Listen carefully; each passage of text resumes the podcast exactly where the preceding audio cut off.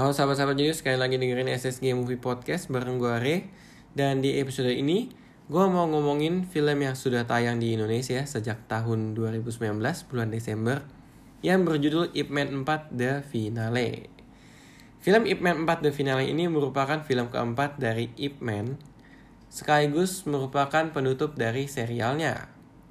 Film ini masih mendatangkan sutradara Wilson Yip dan Donnie Yen yang berperan sebagai Master Hitman. Di film ini juga bercerita tentang perjalanan terakhir Master Hitman yang sedang berkunjung ke Amerika Serikat untuk mencari sekolah bagi putranya yang sedang beranjak dewasa dan sekaligus bertemu juga dengan salah satu murid kesayangannya yaitu Bruce Lee. Kedatangannya di Amerika Serikat membuat dia sadar bahwa ba masih banyak orang-orang keturunan yang tinggal di Amerika tetapi diperlakukan tidak adil atau rasisme. Berbekal ilmu bela diri dan kebijaksanaan serta rasa ingin menjunjung tinggi kemanusiaan, dia harus bertarung untuk barangkali terakhir kalinya membela kaumnya melawan orang-orang yang rasis terhadap mereka. Gitu.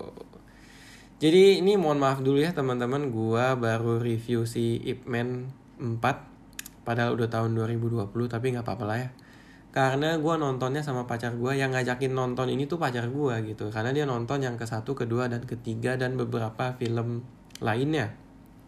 Kalau gue gue nggak nonton satu dua tiganya tapi ya bisa dibaca di Wikipedia dan mungkin beberapa adegan pertarungannya bisa gue tonton di YouTube atau kalau memang gue sangat tertarik gue akan putuskan untuk tonton film Yip Man 123 di layanan streaming legal ya jangan yang ilegal Tapi overall ya, ini gambaran awal. Gue cukup seneng dengan film ini ya. Gue jadi kembali lagi. Gue udah lama banget gak nonton film asal Tionghoa gitu. Jadi kayak gue nonton, gue liatin, wah ternyata cara mereka membuat film, pengambilan adegannya, adegan pertarungan dan lain sebagainya tuh udah sampai segininya gitu. Oke. Okay? Ini merupakan film keempat sekaligus penutup yang menurut gua ya plotnya itu tidak terlalu heboh tetapi itu menghangatkan. Cukup menarik ya menghangatkan. Jadi tuh gini, eh, mengambil tema rasisme yang dilakukan oleh Amerika terhadap keturunan Tionghoa, film ini tuh juga menampilkan campuran pertarungan antara kungfu Wing Chun dan karate. Karena karate itu yang di, sedang digembar-gemborkan oleh si Amerika. Kalau nggak salah tuh latar belakang tahun film ini 1964. Jadi tuh dari perbedaan bela diri yang ditampilkan sebagai adegan action di dalam film ini ya, itu tercampur dengan baik dan well blended lah istilahnya. Setiap adegannya tuh menyenangkan aja sih gitu. Oke kita mulai bahas ya udah masuk ke menit ketiga nih. Kita mulai dari segi visualnya dulu teman-teman. Menurut gue dari segi visual tuh harus dibedakan jadi dua nih. Ada yang adegan pertarungan sama ada yang adegan dramanya tanda kutip. Kita bahas yang adegan pertarungan dulu. Kalau yang adegan pertarungannya teman-teman gue merasa ada beberapa adegan yang menggunakan efek praktis sekaligus editing yang sangat cantik. Kenapa gue bilang cantik? Karena adegan-adegan yang disusun itu berhasil membumbui adegan pertarungannya ya, scene pertarungannya. Seperti misalnya menggunakan teknik-teknik zoom in zoom out terhadap bagian-bagian tubuh yang sedang bertabrakan gitu ya. Karena kan kayak pukul-pukulan sama tendang-tendangan gitu. Belum lagi kayak misalkan kalau ada pukulan yang rasa-rasanya pukulan kuat, itu tuh antara dikasih lihat tangannya doang ya, jadi mukul supaya kayak keluar-keluar debu gitu. Atau ya zoom in di pukulannya supaya menandakan bahwa ini pukulan yang sangat kuat loh gitu. Sampai musuhnya tuh terkapar atau jatuh atau ya begitulah. Oke? Dan itunya tuh rapi gitu. Treatmentnya rapi. Sedangkan ya masih di adegan pertarungan ya. Menurut gua ada beberapa adegan pertarungan yang dimasukin CGI yang cukup belum rapi sih. Ini spoiler dikit ya teman-temannya. Ini pengalaman gua sih. Jadi ada satu adegan ya menurut gue cukup lucu adegannya itu adalah uh, debat emosi sampai bertarung di meja makan khas Tionghoa atau Cina gitu. Meja makan yang gue maksud adalah meja makan yang bentuknya itu ada kaca bundar di tengahnya untuk bisa oper-oper menu makanan ke orang-orang di sekitar kita yang ada di meja itu juga. Jadi pada saat adegan bersih tegang gitu ya, si Master Yipman ini dikirimin barang sama orang di seberangnya ya, e, buku sama gelas teh gitu. Dan kerennya si orang di seberangnya itu ya cuman kayak sekali kipas gitu, sekali puter lah ya si bagian kaca bundernya. Set gitu. Sekali tarik tuh berhentinya bisa pas di depan si Ip Man ya gitu. Gue ngakak gitu kayak gue nyengir cewek gue nanya gitu ya kenapa kamu? Gitu gue bisikin. Iya ini kan konyol banget ya. Aku di meja-meja kayak gitu mana bisa sekali puter langsung nyampe nya pas di depan wajah orang gitu. Karena ini kan berhubungan mau deket Chinese New Year ya tahun baru Imlek itu. Mungkin kan ada teman-teman atau sahabat-sahabat jenius yang makan-makan sama keluarga gitu. Barangkali habis nonton Ip Man 4 atau dengerin podcast ini kalian coba pikirin deh. Meja-meja kayak gitu kan pada saat kalian mau oper makanan ke orang-orang sebelah kanan kiri lu atau seberang lu kan harusnya kacanya berat ya diputernya ya. Ya gak sih? Dan kalaupun diputer tuh kayak perlu diputer beberapa kali gitu nggak mungkin sekali. Terus barang yang mau dioper ke orang di seberang lu tuh nyampe ya pas gitu kalaupun ya gue muter-muter aja tuh masih mesti gue remin dulu atau gue berhentiin gitu. Ya itulah ya. Nah hubungannya adalah dengan CGI sorry ya biar nggak auto topic jadi tuh kayak eh, di meja itu kan kaca ya. Mereka tuh kayak adu dorong-dorongan mejanya. Kayak anak kecil banget deh menurut gue beneran. Itu tuh kayak retak tapi kayak retakannya tuh kayak pakai CGI gitu. Kayak gue ngeliatnya kok kayaknya kurang rapi gitu ya belum ada beberapa adegan lain ya. Nah ini sekalian gue transisi ke adegan-adegan yang non action ya. Adegan drama gitu. Di adegan dramanya pun ada beberapa CGI seperti pesawat dan lain sebagainya yang menurut gue masih kurang rapi sih. Tapi ya ini gue nggak mau komentar banyak dan gue tidak menghakimi. Gue cuman state doang di podcast ini ya. Karena gue yakin kalau CGI seperti itu kan hubungannya erat sama budget lah ya gue nggak mau komentarin lah budgetnya. Mereka tuh gelontorin dana berapa sih gitu. Nah lanjut lagi ya teman-teman. Kalau misalkan di adegan drama tanda kutip itu visualnya juga cukup menarik untuk dinikmatin sih. Jadi di sini gue bagi lagi jadi dua ya. Ada visual pecinan sama visual ya barak tentara dan segala sesuatu yang keamerikaan gitu.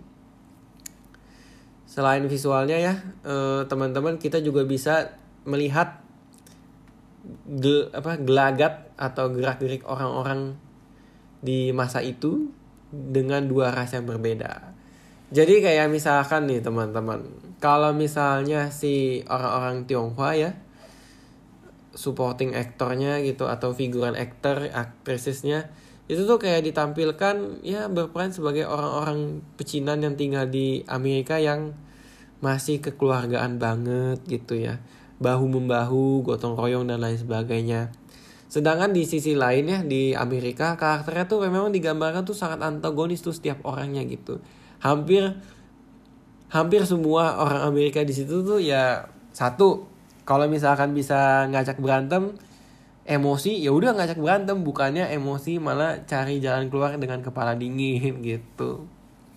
Itu yang membuat film ini tuh ya adegan pertarungannya tuh bisa dimulai gitu. Ya semua berawal dari gontok-gontokan terus ya udahlah yuk sini pukul-pukulan aja gitu. Satu.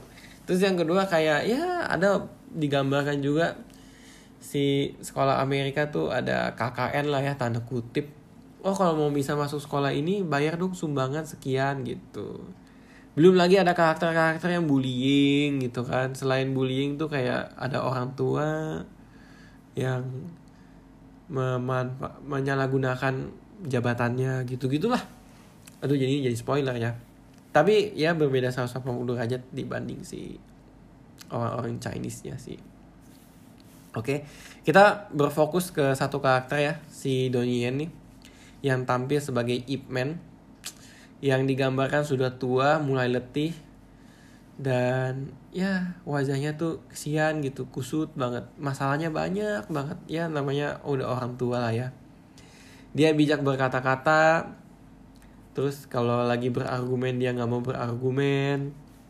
Dia juga masih mau memperjuangkan keadilan bagi rakyatnya gitu ya yang keturunan Tionghoa gitu ya pokoknya filosofis sekali lah ya di sosok dia gitu.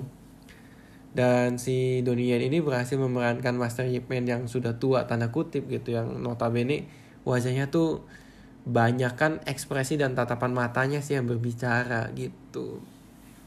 Tapi ketika adegan pertarungan ya itu wajahnya jadi serius pukulannya tetap apa pukulan bertubi-tubinya juga tetap cepet dan lain sebagainya mengatur nafas dia tahu eh, dia tuh lagi sakit di bagian apa jadi berganti posisi dan lain sebagainya berganti kuda-kuda dan lain sebagainya gitu ya. Itu keren banget sih menurut gua.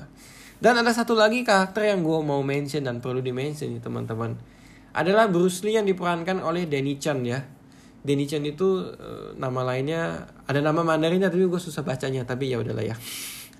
Nah si Danny Chan ini tuh berhasil membawakan sesosok Bruce Lee mengimpersonasi lah ya, memerankan sosok Bruce Lee di dalam film ini yang walaupun porsi adegan action dan adegan dramanya sedikit, tapi gue merasa berhasil aja sih gitu.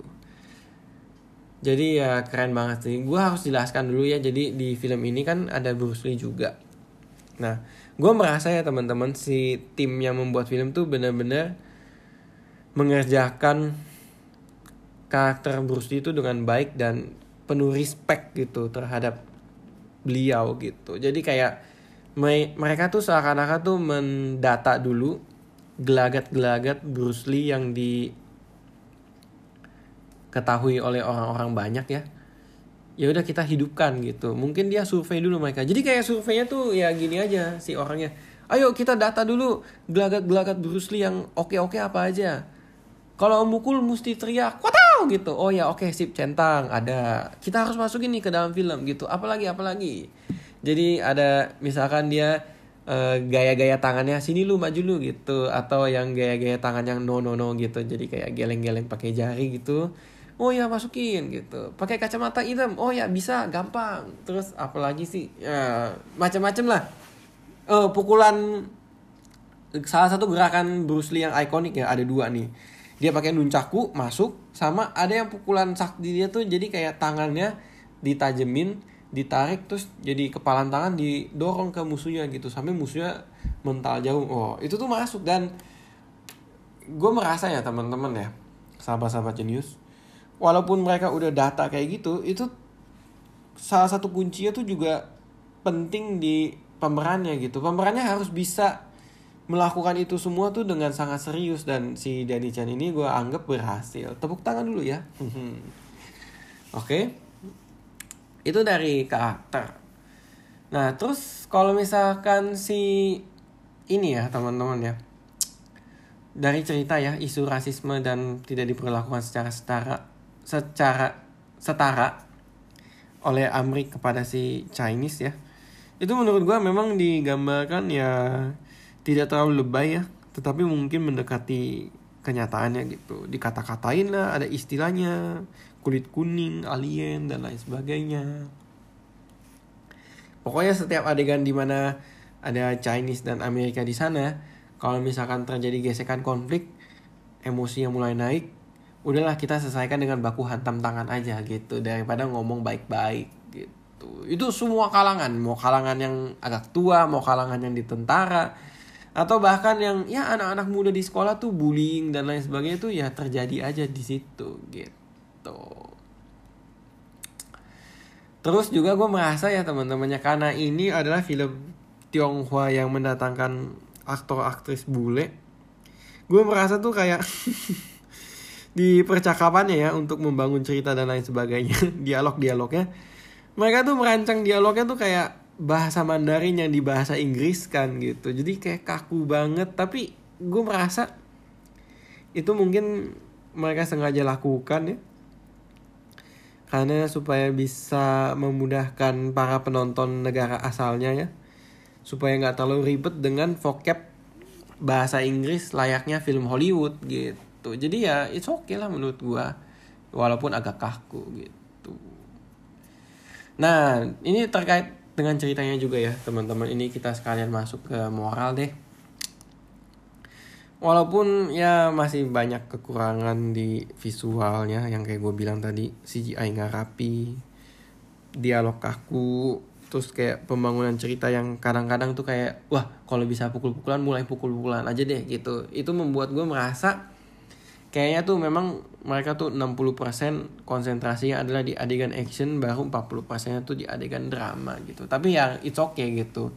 Pada akhirnya mereka berhasil mendatangkan film penutup yang memorable dan menghangatkan di mana menghangatkannya tuh mencakup hubungan guru dengan murid, hubungan bapak dengan anak, hubungan sesama orang keturunan, saling bahu-membahu dan respect satu sama lain. Itu semua tuh mereka bisa rangkum, bisa ceritakan dengan tidak terlalu lebay tapi justru ya mengingatkan kita bahwa kita sebagai manusia jangan rasis deh ya kepada sesama gitu. Oke. Okay? Sekarang kita mulai masuk ke fakta menarik. Asik nih. Di fakta menarik nih gue menemukan dua ya teman-temannya. Ini versi gue sih. Jadi ya gue merasa kalau fakta menarik itu kan bisa ditemukan di internet ya. Jadi gue nggak bisa mengklaim. ya maksudnya bisa aja udah bertebaran di sana dan ada yang udah baca gitu. Kita mulai aja deh ya. Ini udah mau 17 menit nih. Gue cepet aja. Jadi gini teman-teman di film Ip Man ini tuh dari filmnya yang pertama sampai dengan yang keempat, dia tuh mendatangkan komposer asal Jepang bernama Kenji Kawai. Gue tuh kaget gitu karena gue adalah orang yang pernah terpapar dengan karyanya si Kenji Kawai di beberapa film-film anime asal Jepang kayak misalkan Mobile Suit Gundam gitu, Gundam Double O ada dia. Terus ada film-film Jepang lainnya kayak Ultraman sama Kamen Rider gitu, gue baca di sini dia juga mainin gitu. Intinya dia tuh punya ciri khas lagu-lagunya tuh harus ada orkestra harus ada gendang dan ya agak-agak style 80-an gitu di musiknya bedanya adalah yang membuat menarik ya teman-teman di filmnya yang keempat ini nih ketika dia bercerita tentang konflik rasisme dengan orang-orang Amerika ada di beberapa lagunya tuh yang gue temukan ya dia tuh kayak masukin alat musik uh, perkusinya marching band ala-ala tentara-tentara Amerika gitu. Jadi ya itulah yang membedakan lagu apa lagu-lagu motion picture-nya yang keempat dengan beberapa motion picture yang sebelum-sebelumnya gitu. Sama kayak ya namanya ini kan film Chinese ya. Dia juga mendatangkan seruling khas Cina gitu di beberapa lagunya. Jadi ya it's perfectly blend lah gitu. Bagi teman-teman yang penasaran dengan lagunya yang kayak gimana ya, atau koleksi lagunya, bisa cek di sosial media gue ya di @sostupidnews. Di sini gue udah mulai merangkum tanda kutip membuat playlist-playlist lagu-lagu dari film-film yang baru aja gue tonton gitu. Jadi ya kalau gue suka lagunya gue masukin ke IG story terus gue highlightin gitu. Jadi kalian bisa nikmatin. Oke? Okay? Ini fakta menarik yang kedua nih teman-teman terkait dengan si Denny Chen yang berperan sebagai Bruce Lee. Bagi teman-teman yang belum tahu, Denny Chen itu adalah aktor asal China ya, yang sudah berperan di beberapa film, tapi kebanyakan sih uh, dia terkenal lewat film-filmnya bersama Stephen Chow, yaitu Shaolin Soccer sama Kung Fu Hustle 2. Kalau di Kung Fu Hustle 2, eh sorry, Kung Fu Hustle. Ada ada dua film maksudnya, sorry. di Kung Fu Hustle tuh dia berperan sebagai ketua geng kapak ya yang palanya dipelintir. Brother Sum namanya. Sama kalau misalkan yang di Shaolin Soccer itu dia berperan sebagai kipernya yang pertama yang uh, ahli kungfu tangan kosong. Lucu deh. Nah, ini yang menarik nih teman-teman di Shaolin Soccer ya si Danny Chen itu berperan sebagai kiper ya si empty hand ini nih tangan kosong ya memang tuh sengaja penampilannya tuh dibuat seperti si Bruce Lee gitu jadi kayak melipatkan tangannya di dada gitu e, goyangin hidung terus kayak tangannya sini lu maju lu gitu. Itu tuh dilakukan di Shaolin Soccer. Ketika dia berperan sebagai Bruce Lee gue kayak menganggap ini adalah hal yang lucu karena ya ini ya apa uh, ya blend in aja gitu. Dan gue baca-baca lagi nih teman-teman ya fakta-fakta menariknya. Gue menemukan bahwa ternyata tuh karena memang wajahnya mirip dengan Bruce Lee dia tuh di ini apa direkrut di tahun 2008 sebagai uh, pemeran dari film biografi ya film seri biografi The Legend of Bruce Lee gitu. Nanti kalian bisa cari-cari deh gitu. Ini fakta yang menarik. Jadi kayak si Denny Chen ini tuh mungkin lahir tanda kutip sebagai ya reinkarnasi lah ya dari si sosok Bruce Lee ini. Gue gak tahu tapi ya itulah namanya film ya. Uh, satu film bisa ditonton oleh ribuan orang dan dari ribuan orang bisa punya ratusan juta pendapat gitu. Oke sekian dari gue gue Ray mau pamit undur diri dulu. Sampai jumpa di episode berikutnya. Jangan lupa untuk uh, subscribe atau follow podcastnya SSG ya. Dan jangan lupa juga untuk follow sosial medianya SSG di Instagram misalkan di @sostupidgenius. Oke? Okay? See you next time ya. Bye bye.